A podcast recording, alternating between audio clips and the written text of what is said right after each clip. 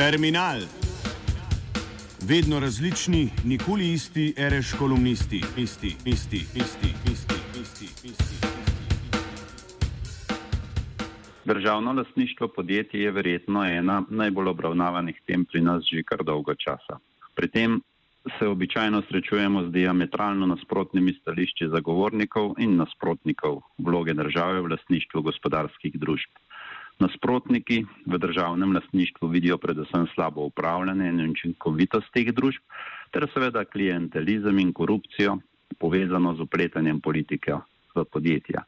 Nasprotniki umika države iz gospodarstva in posledično prodaje tujcem, ki so danes edini potencijalni kupci, pa upozarjajo predvsem na dejstvo, da bomo s prodajo postali kolonija in da tuji lastniki zasledujejo predvsem lastne interese. Sam sicer nisem ravno nasprotnik vstopanja tujcev v slovensko gospodarstvo, a pospešene prodaje, ki smo ji bili priča zadnja leta, vseeno ne zagovarjam. Predvsem pa poskušamo ob tem razumeti tudi argumente, ki jih predstavljajo zagovorniki umika države iz lasništva podjetij. Zato v nadaljevanju nekaj plusov in minusov tega procesa umika države iz gospodarstva. Pred samim navajanjem različnih argumentov pa najprej še nekaj podatkov o lasniški strukturi gospodarstva danes. Strukturo seveda lahko spremljamo po različnih kriterijih, po številu podjetij, zaposlenih, dodani vrednosti, oceni vrednosti podjetij, dobičku in podobno. Verjetno je dodana vrednost še najboljši pokazatelj pomena posamezne skupine podjetij in po tem kriteriju so lani državna podjetja predstavljala okoli 15 odstotkov celotnega gospodarstva, podjetja v tuji lasti približno 30 odstotkov, ostala pa so bila v privatni domači lasti. Za primerjavo lasniških sprememb zadnjih 15 let naj navedem, da so leta 2002 po tem kriteriju tuja podjetja prispevala 12 odstotkov celotnim gospodars rezultatom gospodarstva. Kot prvi vidik državne lasnine bi izpostavil najbolj preprost finančni vidik. Kot eden izmed ciljev pri podjetjih v državni lasti si med drugim postavljamo tudi ustrezno donosnost. Pričakovanja so celo 8 odstotkov na kapital in lani v ugodnih gospodarskih razmerah smo dosegli že 6 odstotkov. Na drugi strani pa vemo, da se danes država lahko zadolžuje po let dve odstotni obrestni meri. Čeprav seveda ni naloga države, da se ukvarja z naložbami v podjetje in njihovim upravljanjem, je gledano dolgoročno donos njenih naložb vseeno praviloma višji kot pa stroški financiranja. Dosedanje izkušnje tega sicer ravno ne podpirajo, saj poznamo velike izgube v bančnem sektorju, pa tudi drugih družbah. A ko pogledamo danes 10 odstotno donosnost NLB in podobne donose, naprimer v energetskem sektorju, ekonomsko ni smiselno teh naložb prodajati ter s tem odplačati dolg, za katerega plačujemo le 2 odstotka obresti na leto. Z tega vidika torej hitenje vsekakor ni na mestu. Najbolj prisoten očitek državnemu lasništvu je slabo upravljanje podjetij, upletanje politike v kadrovanju, ter korupcija oziroma izkoriščanje podjetij za interese raznih lobističnih skupin povezanih s politiko. Kritike so nedvomno upravičene in glede tega ni dilen tako med nasprotniki kot zagovorniki državne lasnine. Prvi ravno zaradi tega zagovarjajo čimprejšnjo prodajo podjetij v državni lasti, ker pač ne verjamejo v pripravljenost in sposobnost za drugačen način upravljanja, v čemer pa vidi rešitev druga skupina. Zato se moramo vprašati predvsem, ali je za razrešitev tega problema prodaja edina rešitev. Ali pa je možno problem upravljanja rešiti tudi z angažiranjem tujih ali tudi domačih strokovnjakov, neodvisnih od parcialnih interesov vladajoče politike. Imeli smo in imamo kar nekaj primerov postavljene tujcev na ključne položaje največjih upravljalcev državnega premoženja, to so TTB, SDH, KAT, a najboljših izkušenj tudi s tem ni bilo. Nedavno sem bral intervju z enim od upravljalcev, ki jim je svoje premoženje zaupala romunska država. Sveda so po njegovih besedah izboljšali upravljanje, umaknili koruptivno politiko ter povečali donosnost državnih družb. A ta isti upravljalec je poznan tudi potem, kako so sodelovali pri odkupih Heliosa in ga še enkrat dražje po dobrem letu prodali naprej. Kakor se pri državnem lastništvu soočamo s primerom korupcije, nedvomno tudi tuji upravljalci in skladi niso imuni za lastne zaslužke in njim pogosto podredijo poslovne odločitve.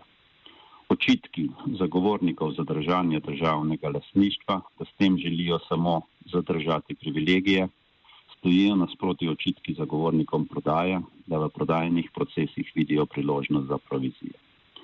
Zaradi navedenega bi vseeno lahko zapisali, da hitenje s prodajo ni najbolj nujno, niti načrtno postavljene samo tujih upravljalcev.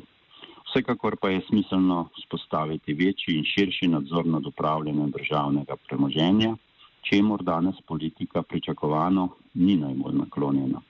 Menim, da imamo tudi v Sloveniji precejšen nabor strokovnih in neodvisnih kadrih, ki bi jih lahko povabili k sodelovanju in upravljanju ter nadziranju družb, ter tudi predolgih prstov politike. Če se res toliko krade, najbrž ni potrebe, da za to odsekamo roko, rečeno v prispodobi, temveč so tudi drugi načini preprečevanja slabe prakse. Eden izmed pogosto izpostavljenih razlogov v prid prodaji in umiki, umiku države iz upravljanja podjetij je tudi bistveno manjši delež državne lastnine v drugih državah, tako razvitejših kot državah nekdanjega vzhodnega bloka. Vzhodne države so res večino svojih pomembnejših podjetij dokaj hitro prodale tujim lastnikom, ki so pogosto prinesli hitrejši in učinkovitejši razvoj, ter s tem pozitivno prispevali gospodarski rasti, zaposlenosti ter tudi blaginji prebivalstva. Zato je tam delež državnega lasništva bistveno nižji kot v Sloveniji, gospodarstvo, predvsem večje družbe, pa je pretežno v rokah tujih lasnikov, razen tudi ne nepomembnega deleža, ki pa je vstal v rokah ožjega kroga domačih podjetnikov.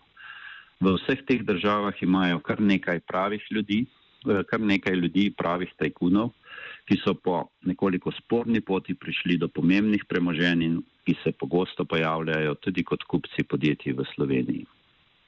Še manj državne lasnine pa je v razvitejših državah, posebno anglosaških. V Nemčiji ali naprimer v Italiji je, je vseeno nekoliko več, a bolj prikrita preko deželnih vlad in lokalnih skupnosti ter raznih skladov za razpršenim in pogosto teže določljivim lasništvom. V Sloveniji menim, da omenjenih 15 odstotkov državnega lasništva niti ni več tako velik delež.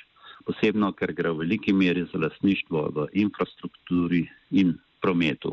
Tukaj gre predvsem za družbo za avtoceste Republike Slovenije. Tisto, kar nas razlikuje od strukture lasništva razvitejših držav, je predvsej nižji delež domačega privatnega lasništva. Zanimivo, da o tem nihče od tujih svetovalcev ali inštitucij, naprimer OECD, nič ne piše.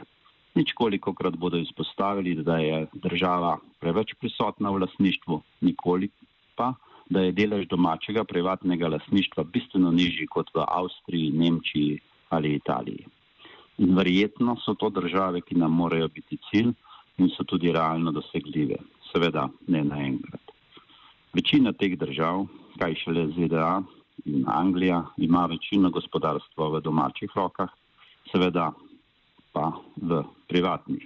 In zakaj najbrž že vedo. In tudi zakaj tako močno prepričuje manj razvite države, da se morajo čim prej znebiti državnega lasništva.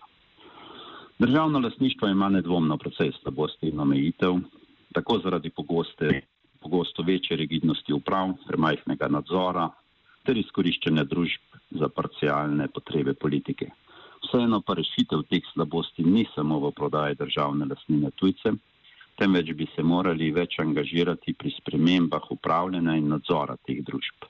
Izkušnje razvitih držav, ki ohranjajo pretežni del gospodarstva v domačih rokah, vseeno potrjujejo, da je za soverenost in dolgoročni razvoj države to vse eno bolj ustrezno.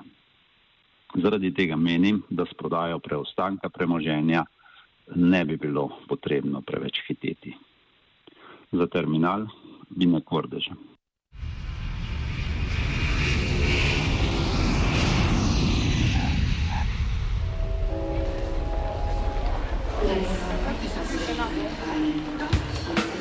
Terminal. Vedno različni, nikoli isti, reš kolumnisti, isti, isti, isti, isti, isti, isti. isti.